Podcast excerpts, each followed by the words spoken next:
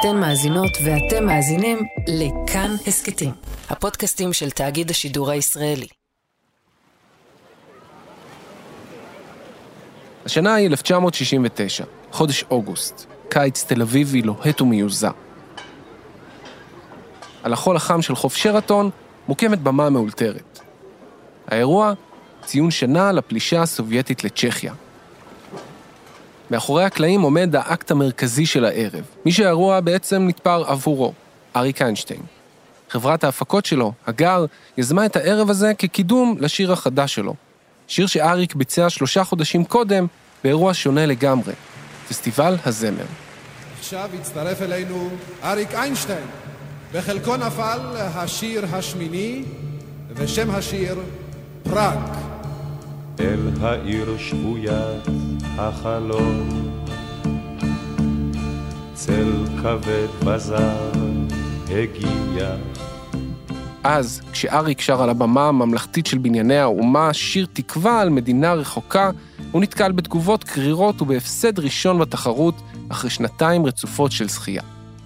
אני יודע שאחרי השיר פראג, שאני הקלטתי אותו, הרבה אנשים, אה, הם אמרו, מספיק לנו הצהרות שלנו, מה יש לך ללכת לפראג? זה כמובן, זה אידיוטי אם תשאל אותי, זה דבר שלוחץ וכואב, אז שרים עליו. עכשיו הוא נמצא בסביבה קצת יותר נוחה. צבי שיסל, שהפיק את האירוע, הרגיע את אריק ואמר לו שיהיה קהל קטן, מאה איש. אירוע אינטימי. אריק עומד מאחורי הקלעים, מכבה את הסיגריה, מניח את הבקבוק ומתחיל לצעוד לבמה. כשהוא נעמד במרכזה, הוא מכווץ את עיניו ולא מאמין. אלפי צעירים נלהבים, מנופפים בידיים וצועקים. שלום חנוך, לידו, מרים את הגיטרה, והשניים מתחילים לשיר. מי שלא עצם את עיניו מילים על שלום ואהבה שהתקבלו ביקום אף בפסטיבל הממלכתי, הופכות עכשיו להמנון של הקהל הצעיר. הם עומדים ושרים עם אריק ושלום, שיר שלום ותקווה לעתיד טוב יותר. כמו בני דורם, ההיפים, בקצה השני של העולם.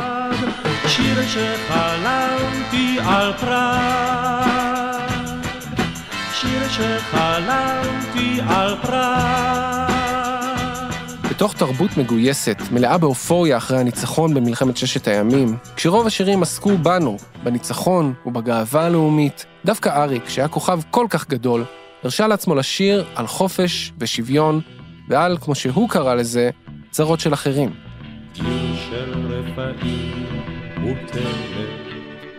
אבל אריק בכלל לא ראה את עצמו כמהפכן. להפך, הוא רצה להיות נאמן לעצמו, לשיר על מה שהוא מזדהה איתו. ודווקא בגלל זה הוא מצא את עצמו, בלי כוונה, הופך לדמות לאומית. דמות לאומית, אני רוצה להיות מוערך בשביל העבודה, בגלל השירים, בגלל המוזיקה שאנחנו עושים, ולא, אתה יודע, להתעסק בתוארים או בכל מיני דברים כאלה, למרות שזה נעים להיות מוערך, אבל דמות לאומית זה לא, לא, לא בשבילי.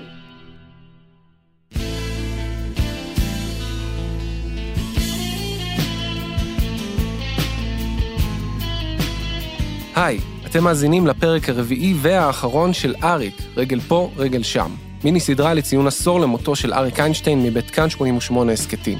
לי קוראים תומר קריב, והפרק הזה יעסוק ביחסים ובמאבק של אריק עם המעמד שלו, עם הסמל שהוא. סמל שהוא נשא, לפעמים, בחוסר רצון.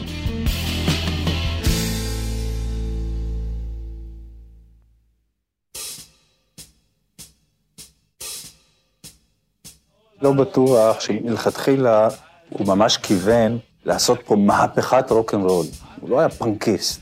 זה דוקטור מוטי רגב, סוציולוג שחקר את התפתחות הרוק הישראלי. הוא לא עשה דברים כמו פוזי או שבלול או בדש אצל אביגדור בהכרח מהמקום של בוא נעשה פה רוקנרול ונמרוד נגד הממסד וכן הלאה, אלא יותר מהמקום של בוא נתאים את הממסד הזה למה שקורה בעולם. נחלץ אותו מהבדלנות הזאת, מהשמרנות הזאת וכן הלאה.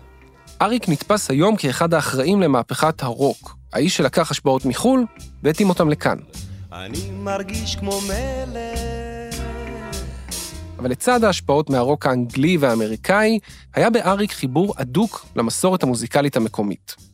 באוקטובר 1970 הוא אמר בריאיון, הביטוי המוזיקלי זה אורח חיים. זה מוכרח להיות כך, כי אורח החיים הזה כולל את המטען שאני סוחב איתי, את הגימנסיה, את השומר הצעיר, את אבא ואימא, שהיה להם תמיד יחס לאומנות.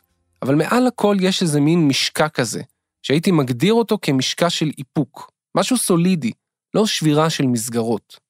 יצאנו את, חיוור היה הליל, במרחקים הבליחו האורות. עוד בלהקה הצבאית, כמו שכבר סיפרנו, אריק הסתייג מהפתוס והשירה התוקפנית, כמו שהוא קרא לה. אבל הוא לא רצה לוותר על אותו מטען שהוא סוחב. להפך, הוא שאף להתאים אותו לסגנון החדש שלו. לקחת את האינטימיות והסולידיות שדיברו אליו, ולחבר אותם לשירים שהוא אהב. לכל הדבר הזה הוא נתן שם. שם שהוא המציא קצת באירוניה וקצת בחיבוק. ארץ ישראל הישנה והטובה. נפרדנו וחייכנו במבט.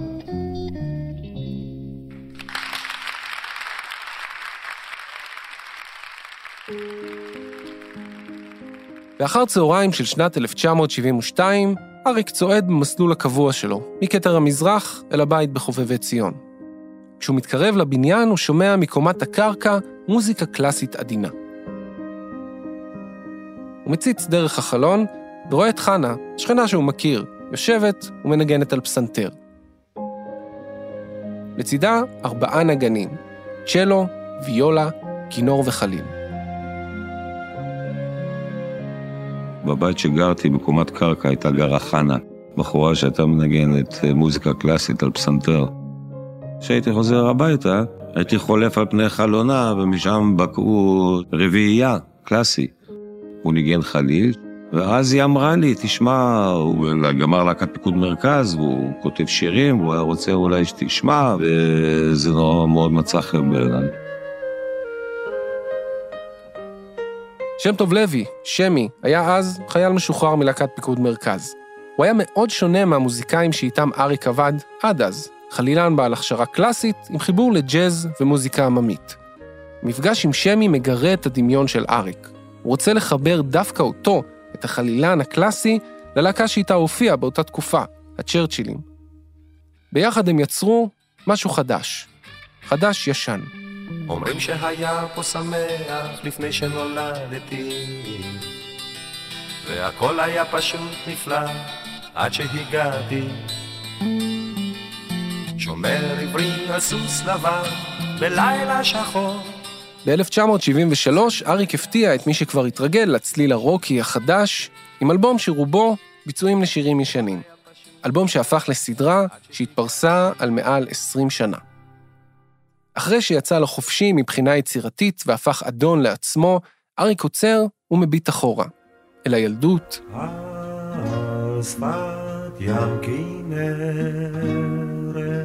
אל התנועה,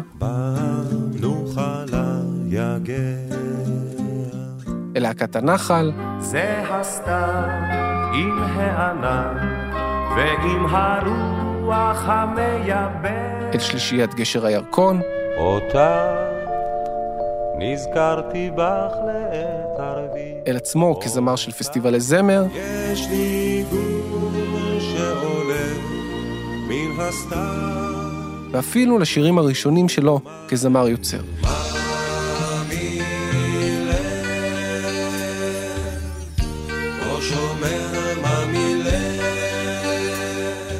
הוא מביט על עצמו, הצעיר, באופן חומל, אבל גם מפוכח. בריאיון מ-1984 הוא אמר, מה ידענו אז? כל השירים הקבוצתיים עם הנביחות האלה.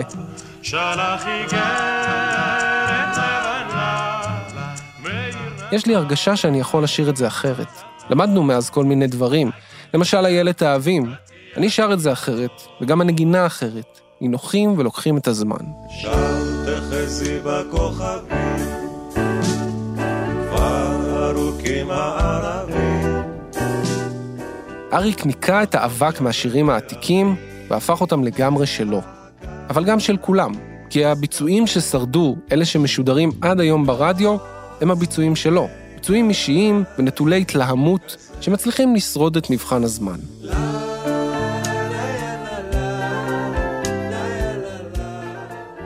וזה אולי המפתח להבנת השינוי שאריק הוביל. בעזרת אותו משקע של איפוק, כמו שהוא קרא לזה, הוא יצר מהפכה. מהפכה שקטה, בלי פתוס, רק הוא והמאזינים.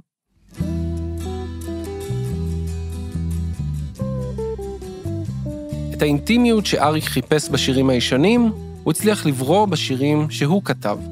בביוגרפיה שלו אריק צוטט: אני ואתה נשנה את העולם זה הרצון הטבעי של כל דור לעשות עולם טוב יותר.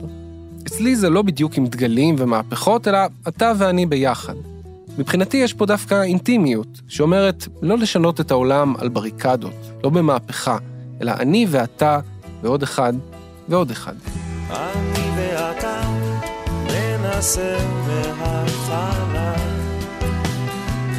יהיה לנו רע, אין דבר, זה לא נורא בשנות ה-70 הכתיבה הפכה לכלי ביטוי מרכזי בשירים של אריק. הוא השתכלל יותר ויותר ככותב, והביא יותר מעצמו לשירים. זה קרה במקביל לעבודה שלו עם שותף חדש, בערך. כשהכרתי אותו הייתי ממש ילד, 19 וחצי או משהו כזה. הוא כבר uh, 31, ופתאום הוא אומר לי, אתה יודע, בוא נעבוד ביחד. אני מסתכל עליו ואומר לו, דחיל רבא, כאילו. אבל הוא היה כזה, הוא היה קופץ למים, יודע לשחות, לא יודע לשחות, הוא אומר, בוא ננסה ונראה. אם כיסה ענן גבוה את השמש הטובה, אז אחלום הנוח בתיבה. ואנחנו באנו באמת מרקעים שונים לגמרי, ונוצרה בינינו כימיה, אתה שואל את עצמי, מה קורה פה? אבל אחרי זה אמרתי לעצמי, מה, מה יש לנתח מה קורה פה? זה קורה. אז תהנה מזה, ויאללה, זרום, באמת, ככה זה.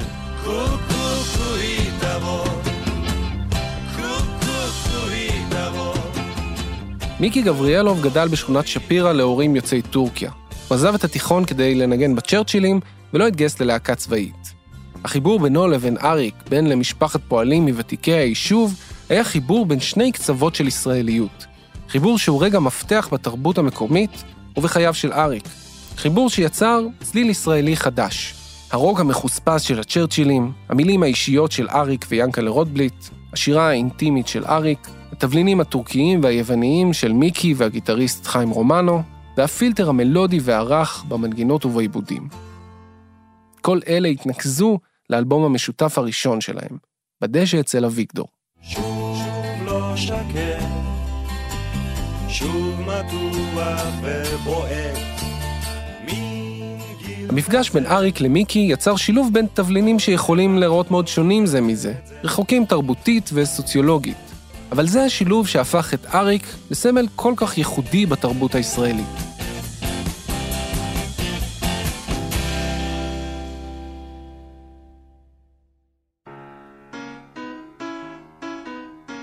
המילים שהוא כתב מכאן והלאה שיקפו את התהפוכות שעברו על המדינה. שירים אנטי-לאומיים, אישיים מאוד, לפעמים כמעט חושפניים. כשאריק שר אותם, כולם הרגישו שהוא שר רק בשבילם. מה שעובר בי זה יותר ממילים. ההופעה הפשוטה שלו, כפי שהעידו הקליפים בטלוויזיה, הפכה אייקונית. אדם גבוה, עם שיער לבן, חולצה מכופתרת, וסט, ג'ינס ומבט ישיר למצלמה. אריק דיבר דרך העיניים עם כל הצופים בבית, והם החזירו לו אהבה.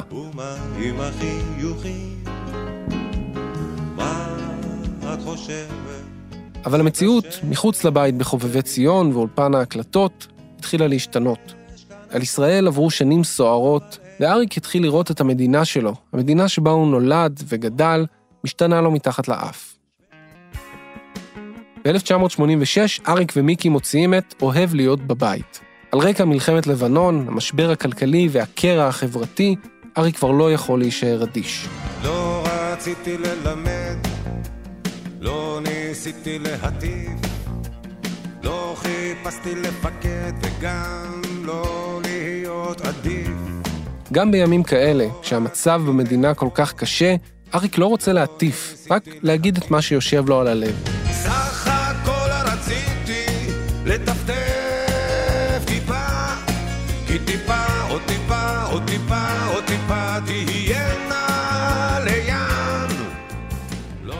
הלב של אריק נשא הרבה צער בתקופה ההיא.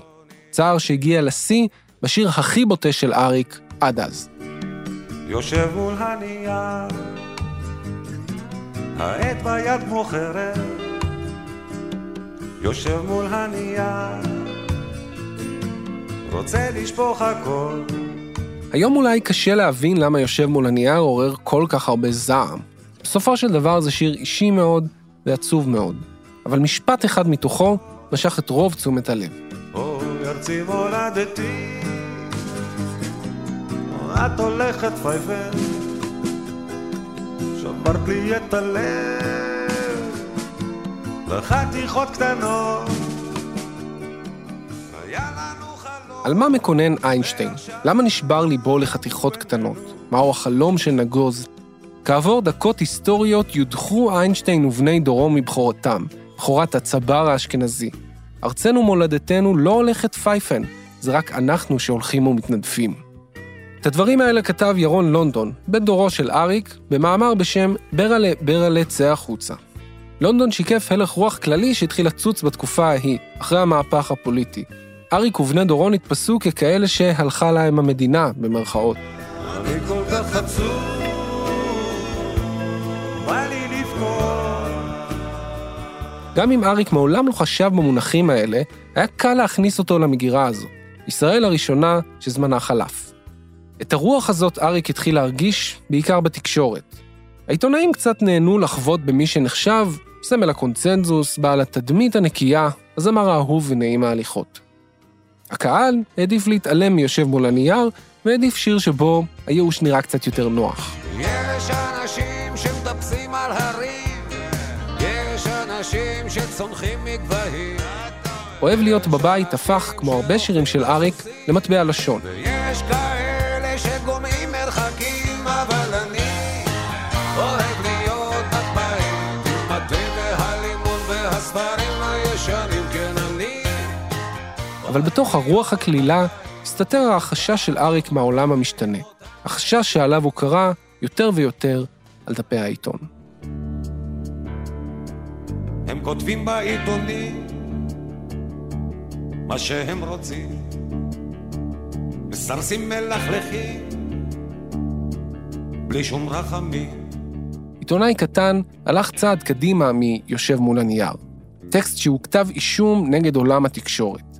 אבל מאחוריו התחבא אותו תהליך שירון לונדון שם עליו את האצבע. אז איך אתה ישן בלילה, עיתונאי קטן שלי, איך אתה נרדם? אריק לקראת גיל 50 מבין שהעולם סביבו הופך ציני, דורסני וחסר רחמים. הוא עדיין מחפש את האינטימיות, הסולידיות, ארוך, ואותם הוא ימצא בשיר שהופיע, כמו עיתונאי קטן, באלבום של אריק ומיקי, על גבול האור. שיר שאריק כתב בהשפעת החתונה של בתו, יסמין, עם בנו של אורי זוהר, אפרים. הגוזלים שלי עזבו את הקן, פרסו כנפיים ועפו. ואני ציפור זקנה נשארתי בקן, מקווה מאוד שהכל יהיה בסדר. הוא כתב שיר על הדאגות והפחדים שלו, כהורה שהילדים שלו מתבגרים, עוזבים את הבית ומקימים משפחה חדשה. התוצאה הייתה אחד השירים האהובים של אריק אי פעם, המנון של כל הורה שהילד שלו מסיים תיכון. גוזל, חתוך את השמיים, שבא לך, רק אל תשכח, יש נשר בשמיים, גור לך.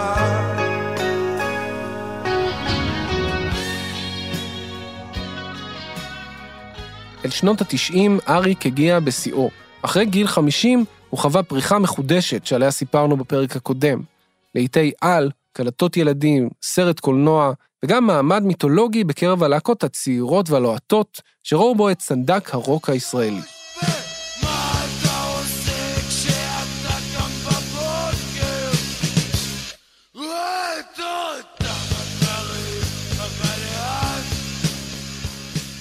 במרץ 1995 יצא "יש בי אהבה", אלבום שבו אריק חזר לעבוד עם שם טוב לוי, וגם מתחבר לראשונה ליוצרים מהדור החדש.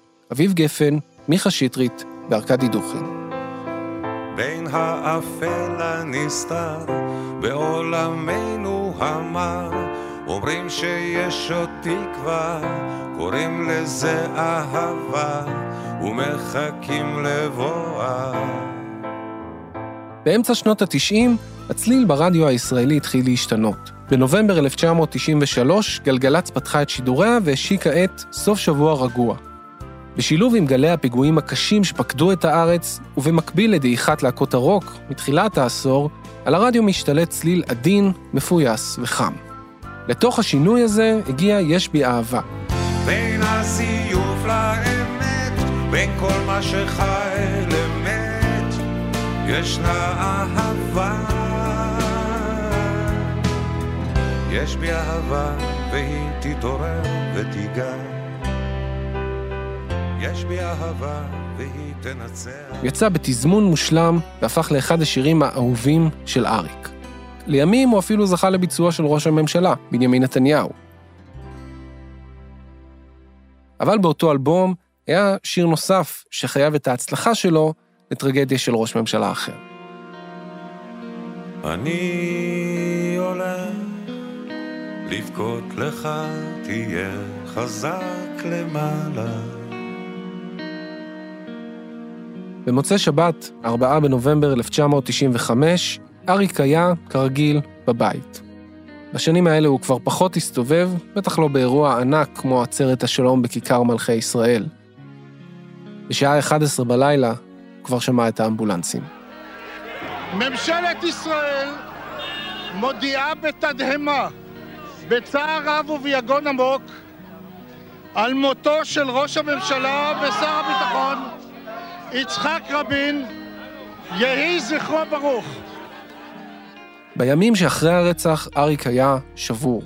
בריאיון מ-1997 הוא אמר, שבוע אחרי הרצח בכיכר לא הפסקתי לבכות. הזעזוע היה כל כך נורא ואמיתי, שנשבעתי לעצמי לא לשכוח ולא לסלוח.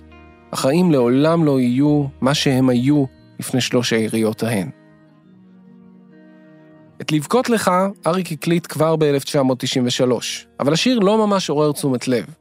הוא היה כבד ומדכא מדי לרדיו שחיפש צליל קצת יותר מנחם. שבוע אחרי הרצח עלה אביב גפן לבמה בכיכר, שעכשיו נקראת כיכר רבין, ושר את השיר שהוא כתב עבור אריק. לבכות לך, שנכתב בכלל על מוות של חבר קרוב, הפך לאחד השירים הכי מזוהים עם הימים שאחרי רצח ראש הממשלה.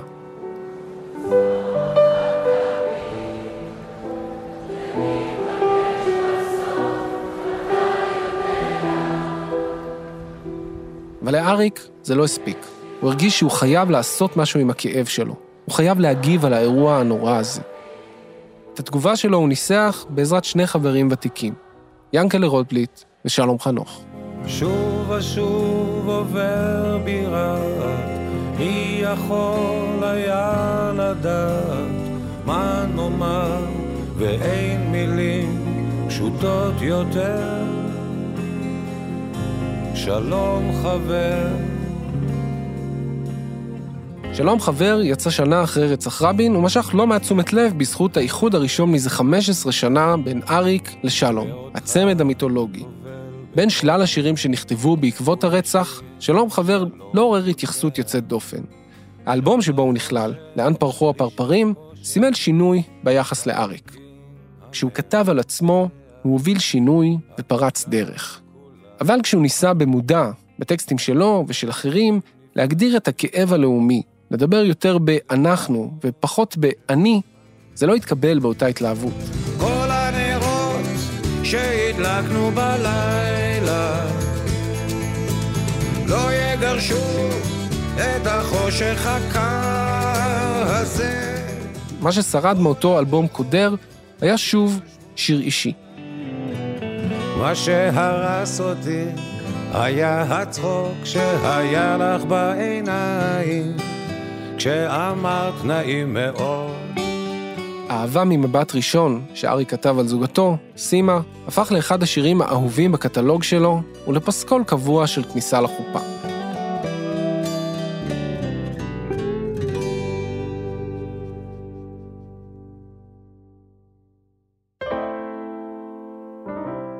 שלום חבר אולי לא הפך לקלאסיקה, אבל העניין סביב האיחוד של אריק ושלום גרם להם להיכנס לאולפן וליצור, לראשונה מאז 1970, אלבום משותף. כל אחד רוצה להיות זמר, להיות זמר, להיות זמר. אם לא זמר אז שחקן, אם לא שחקן אז ליצן, אם לא ליצן אז מבקר. ציפיות היו בשמיים, והצמד הרגיש את כובד המעמד. משה לוי, שהפיק את האלבום ביחד עם שלום, אמר, כבר בזמן עשיית האלבום, הם ידעו שיחטפו על הראש. הייתה ציפייה מעיקה בשוק המוזיקה מהרגע הראשון. צריך לזכור שאת פלסטלינה ושבלול הם עשו בגיל מסוים ועם אורח חיים מסוים. קרוב ל-30 שנה אחרי, הם כבר נמצאים במקום אחר, אבל אנשים רצו שוב לשמוע את שלום בן 20 ואריק בן 30.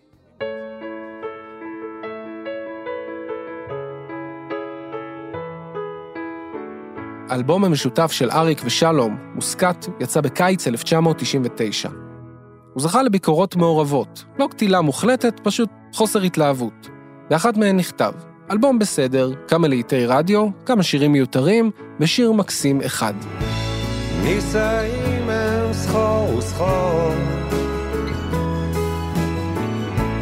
וגיטרה היא כינור התחושה הכללית מסביב לאריק ולאלבום האיחוד הייתה אכזבה.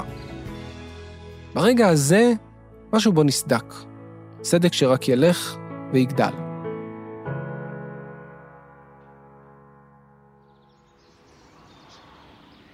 בבוקר אחד בשנת 1999, אריק יושב בדירה שלו ברחוב חובבי ציון. כרגיל, על הספה, עם ערוץ ספורט פתוח ברקע. סימה נכנסת הביתה עם קניות בידיים ועם מכתב מתיבת הדואר. מגישה לו את המכתב, הוא מרכיב משקפיים וקורא. אריק שלום, אני כותב לך כי הבנתי שכרגע אינך מעוניין בשיחה. לפיכך, מכתב זה הוא מכתב פרידה. יום אחרי השיחה האחרונה שלנו נפל לי האסימון.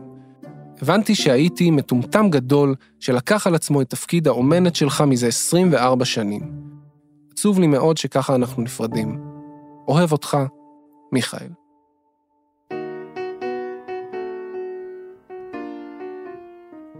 מערכת היחסים בין אריק למיכאל תפוח התחילה, כזכור, ב-1976. מיכאל היה זה שדחף את אריק להופיע כדי לכסות את החובות של חברת הגר. אחר כך הוא הפך למנהל האישי, הכל יכול, של הכוכב הגדול מכולם. שניהם הרוויחו מהקשר הזה. אריק קיבל מנהל צמוד שסייע לו בכל דבר, מעזרה יומיומית ועד לתיאום אולפן ונגנים מתי שרצה. מיכאל הרוויח את המוניטין בעבודה עם אריק והקים את משרד ההפקות המשגשג שלו, המון, באמצע שנות ה-90, אריק ומיכאל התחילו להתרחק, אבל בזהירות. אף אחד לא רצה לשבור את הכלים. במהלך העבודה על מוסקת, שהלכה והתארכה וגבתה מחיר כלכלי לא קטן, הגיע הפיצוץ. פיצוץ שהוביל למכתב. המכתב שאחריו, הכל ייראה אחרת. התגובה של אריק למכתב ההוא הגיעה שלוש שנים אחר כך. במאי 2002, אריק וסימה הגישו תביעה על סך שלושה מיליון שקלים כנגד מיכאל תפוח וחברת המון. הם טענו שאריק לא קיבל את הכסף שהגיע לו במשך שנים רבות, ושלמרות המעמד המכובד שלו, הוא לא חי ברווחה כלכלית. תגובה של מיכאל לא איחרה לבוא, והשאירה את אריק פעור פה. שלוש שנים אחרי אותו מכתב ממיכאל, אריק יושב על אותה ספה, באותה דירה, כשסימה שוב נכנסת עם קניות מהסופר ועם עיתון. היא מגישה לו את העיתון, והוא לא מאמין למה שהוא רואה.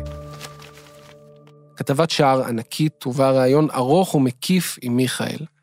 ראיון שבו אריק תואר כאיש ילדותי, תלותי, עצלן ונתון למצבי רוח. מיכאל לא חסך ממנו או מסימה, שתוארה כמי שגוררת את אריק למלחמות לא נחוצות. התגובה של אריק הייתה קיצונית וחדה. הוא חתך בבת אחת את כל הקשרים המקצועיים שלו. המוזיקאים, הטכנאים, אנשי חברת התקליטים, יחסי הציבור. כמו אז, ב-1969, הוא התנתק מהתעשייה והקים חברת הפקות עצמאית בשם אמיר דינה, על שם שני ילדיו. אבל בניגוד להגר, זאת לא הייתה חבורה, אלא היו אריק וסימה, לבד נגד כל העולם. והימים, ימים קוראים, הלילות לילות קרים, הקירות קירות חלקים, ואנחנו לבד, לגמרי לבד, הנר רועד ודואג. את המוזיקאים שליוו אותו במשך עשרות שנים הוא החליף בשותפים חדשים. לא מוזיקאים צעירים שאריק מגלה ומטפח, אלא מוזיקאים מקצועיים ובעלי שם. ברי סחרוף, יזהר אשדוד, פיטר רוט, טל שגב ושחר אבן צור. הוא מנסה לשחזר איתם את הריגוש וההתלהבות במפגשים עם המוזיקאים שמהם מתנתק. וגם אותם מוזיקאים שמחים ונרגשים לעבוד עם אריק. אבל זה לא אותו דבר. אני בשנתיים, שלוש האחרונות, אתה יודע, עברתי תקופות לא קלות. כל מיני נתק ופרידה מאנשים שעבדתי איתם הרבה שנים.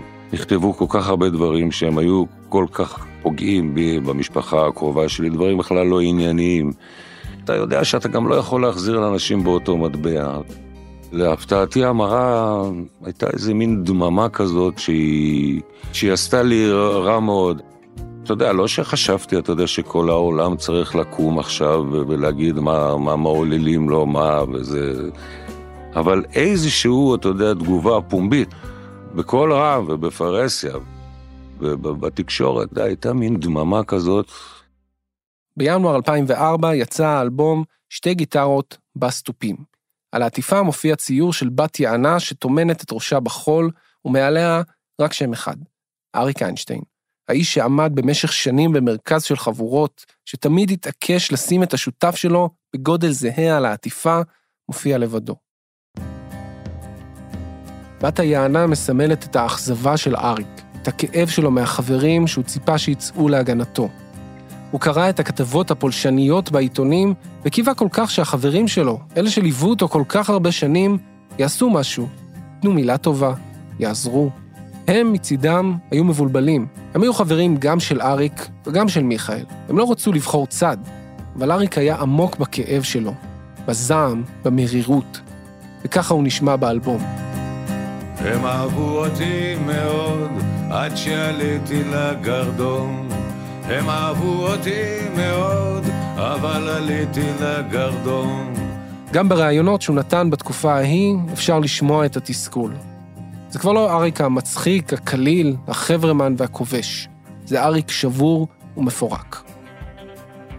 את תוף בודד של לאה גולדברג, אריק הקליט כבר ב-1980 ללחן של מיקי גבריאלוב. וכך קרה אשר קרה,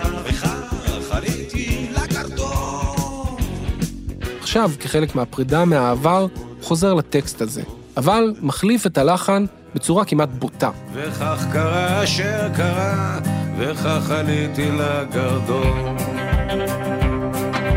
טוב בודד, טוב בודד, טוב בודד, הכה בעיר. הרוקנרול הקצבי של מיקי הפך לבלוז שבטי וקודר עם הלחן של ברי סחרוף. אני הלכתי לגרדום, הרחובות היו שקטים. היא כתבה את השיר הזה, אתה יודע, בערך מאותם המקומות. פגעו בה פגיעות כאלה בפרהסיה, לשחוט את הפרה הקדושה, ופגעו בה, פגעו בה מאוד, והיא, מה שחרה לה בעיקר זה הדממה, החוסר תגובה של הסביבה לגבי הסבל שלה, והיא אומרת את זה כל כך יפה. הם אהבו אותי מאוד עד שעליתי לגרדום, ואז הנהרות היו שקטים, היערות היו שקטים, איש לא יצא מן הבתים. דממה מוחלטת. היום מקבר המת, היום מקבר המת, היום מקבר המת ואין בוכים. אריק יושב על הספה בבית, רואה את האלבום שלו בקושי נמכר, ואת השירים החדשים נעלמים מהרדיו ומהתודעה. התהליך שהתחיל עוד בשנות ה-80, חילופי האליטות והפרידה מארץ ישראל המפא"יניקית, הפך באמצע שנות האלפיים לעובדה קיימת. הצליל של הזרם המרכזי בישראל הולך ומשתנה, הולך ומתרחק מאריק, ואריק מתרחק ממנו. בשנת 2006 אריק מוציא אלבום בשותפות עם פיטר רוט, רגעים. פיטר הביא את החברים שלו, דן טורן, יאלי סובול ומאור כהן, לאלבום שהוא מעין הצדעה של הרוקרים החדשים לאבא הרוחני שלהם. אריה בחורף, אריה בא מן הסתיו, סוחב את הרגל, נתפס לו הגב. אבל דור הרוקנרול בעצמו כבר פינה את הבמה. אריק רואה את רגעים טובע בתוך ים המוזיקה שיוצא בארץ. הוא גם רואה את השירים הישנים שלו, אלה שהוא מנסה לברוח מהם, לא מפסיקים לרדוף אותו. כמו רוחות מהעבר, העבר שאריק מנסה לשכוח. בחלון ביתו, הבית שממנו יוצא פחות ופחות, הוא רואה עיר וארץ שהולכות ומשתנות.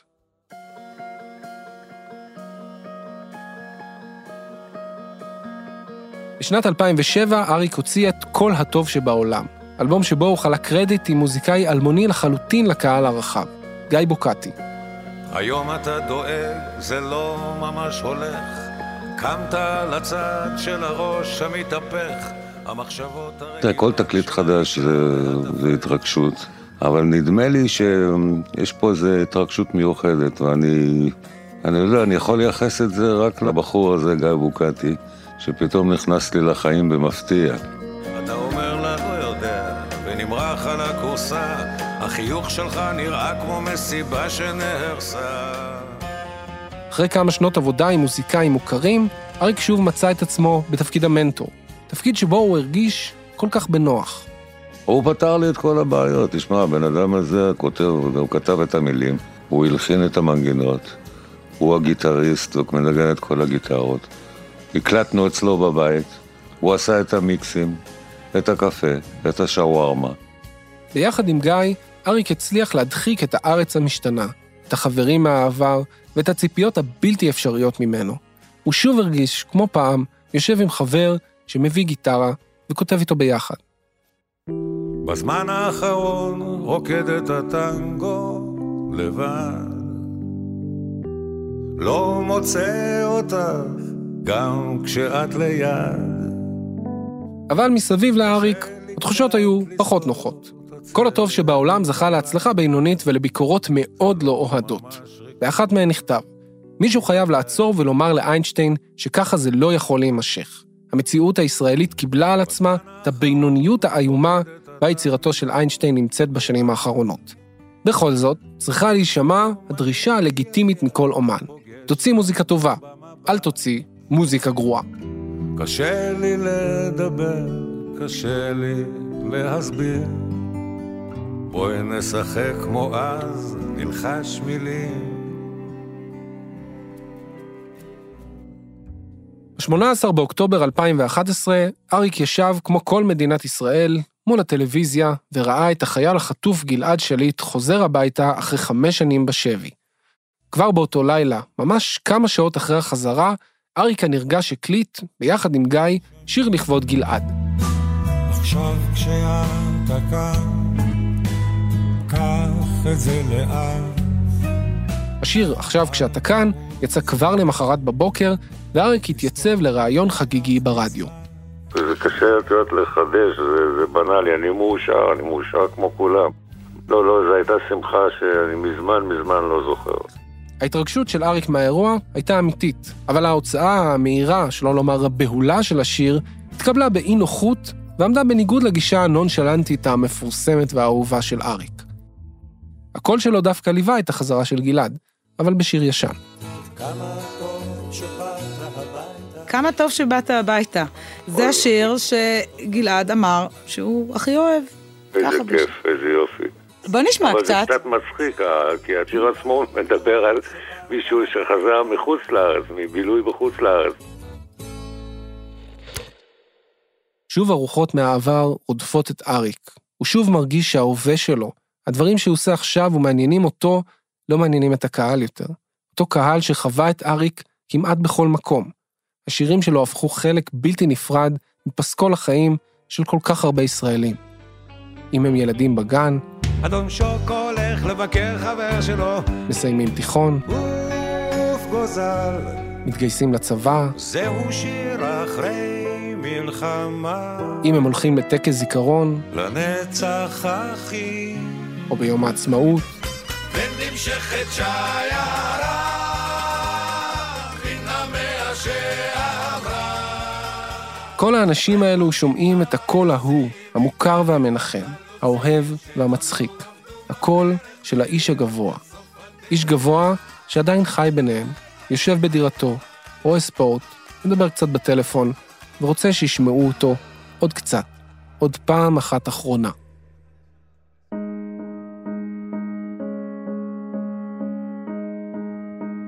את מה שאריק כתב פעם בשירים, הוא כבר לא יכול לעשות. הוא מרגיש שאף אחד לא מקשיב. אז אומרים שוב את העט וכותב, אבל לא שיר. טור למדור הספורט בעיתון מעריב. אולי ככה מישהו ישמע. אריק בולע את העלבון ארוך השנים מהעיתונות כדי לנסות עוד פעם להשמיע קול. אבל הוא לא יזכה לראות את הטור הראשון והיחיד שלו מתפרסם. עוד לפני התחזית אנחנו יודעים שאריק איינשטיין אה, מובא לבית החולים במצב אה, קשה, קטי דור כתבתנו לענייני בריאות מצטרפת. ב-26 בנובמבר 2013, שעות הערב המוקדמות, אריק התמוטט בביתו ופונה לבית החולים איכילוב. כמה שעות אחר כך הוא הלך לעולמו, בגיל 74. לפני 25 דקות אה, הכרזנו על מותו של אריק איינשטיין, ואין מי שישיר לנו יותר. יום אחרי מותו של אריק, הגיעו עשרות אלפי אנשים לכיכר רבין, לטקס שנראה כל כך מוזר למי שהכיר את המנוח. נאום של ראש הממשלה, הספדים, הופעות, זרי פרחים וארון על הבמה. איך האמנת באנשים, ואיך לימדת אותנו לסלוח. היית בן יחיד, ולאורך חייך אספת לך אחים ואחיות כל כך רבים. אריק, אריה, אריות, ארטיקולה. אהבתי אותך. אנחנו יודעים שעשית טוב להרבה מאוד אנשים, כל עם ישראל עשית טוב, אני אגיד לך למה. שימחת כל כך הרבה לבבות, לא בהמונים, לא רצית אף פעם גם להופיע להמונים, זה לא היה נוח לך, אתה הופעת כל פעם לאדם אחד. ולמות, למות בסתר, פה בחדר, ולדעת, כי מחר עוד ישתאו למוות זה, ולא יותר, ילווני אנשים שטרם מתו, ובלי רד, ידברו בינם בלחש על דבר מה אחר, אחר. אריק, שכל כך חשש בחייו מהופעות, זוכה בעל כורחו למופע אחד אחרון. ברדיו ובטלוויזיה התנגנו שוב ושוב הקלאסיקות של אריק, אלה שניסחו את מעמדו כסמל הקונצנזוס. השירים שאריק ניהל איתם מערכת יחסים מורכבת, אבל הקהל כל כך רצה לשמוע. הוא רצה את אריק, מולו, שר אותם. עכשיו, אחרי מותו, השירים האלה הגיעו סוף סוף לבמה, בביצוע של אומנים אחרים. תחבק אותי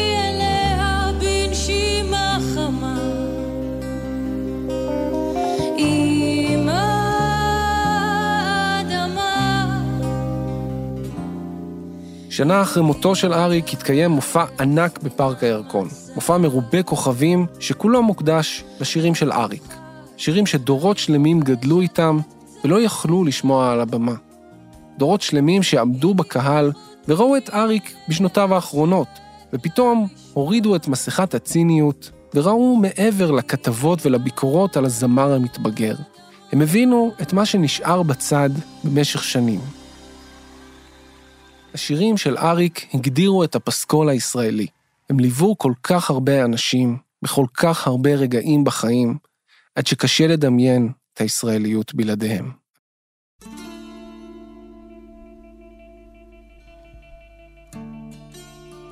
מאחורי השירים עמדה דמותו של אריק, תל אביבי שמאוהב בנופים של ארץ ישראל, מתבודד שאוסף חבורות סביבו, ביישן שתמיד מחפש קהל, דמות לאומית שבורחת מכיבודים ותארים.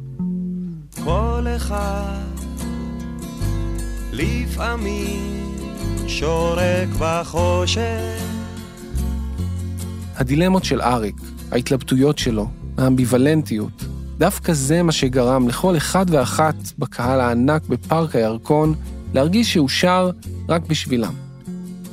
אריק זימל את ישראל במובן הכי ישיר ופשוט שלה.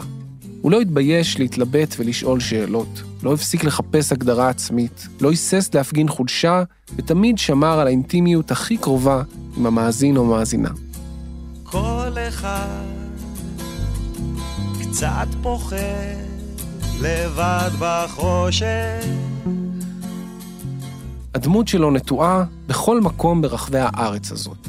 בנסיעות בכבישים הארוכים, לצפון או לדרום, ברחובות של תל אביב, על שפת הים, בהרים ובמדבר. בכל מקום אפשר לשמוע, ברקע, את הקול הנמוך והנינוח, עם קצת עצב וקצת חיוך. שר לנו שירים קטנים, סולידיים ואנושיים. שירים שאפשר לדמיין שנכתבו לכל אחד ואחת מאיתנו. שירים שהפכו לחלק בלתי נפרד מהמקום שבו אנחנו חיים. תכף זה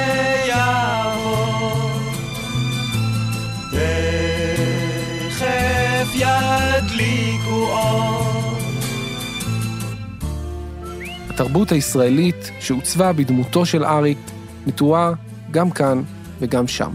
אישית וקולקטיבית, מיושנת וחדשנית, המונית ובודדה. תרבות שאריק ניסח ביצירה שלו ובחייו. תראה, זה הכל עניין של אהבה, של תן וקח.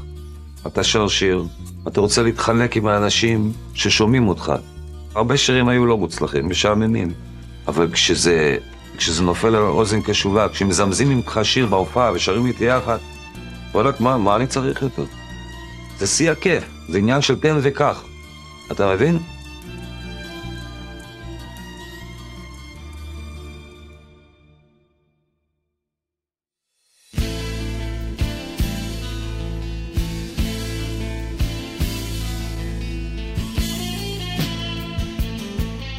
האזנתם לפרק הרביעי והאחרון במיני סדרה אריק, רגל פה, רגל שם, מבית כאן 88 הסכתים. רשימת מקורות ניתן למצוא בעמוד ההסכת באתר. אני תומר קריב. את הפרק הזה ערכתי עם תומר מולביטזון ונוגה קליין. סאונד ומיקס, אסף רפפורט. הפקה, גיל מטוס וקבי דסטה. תחקיר, בר בלפר. תודה לאייל שינדלר, ניר גורלי, עופרי גופר, עופרי מאקו, עינב יעקבי ותומר מיכלזון. פרקים נוספים וסדרות נוספות תוכלו למצוא באתר כאן 88 וביישומון כאן. אנחנו נמצאים גם בכל יישומוני ההסכתים. בואו להגיד שלום בקבוצת כאן הסכתים בפייסבוק.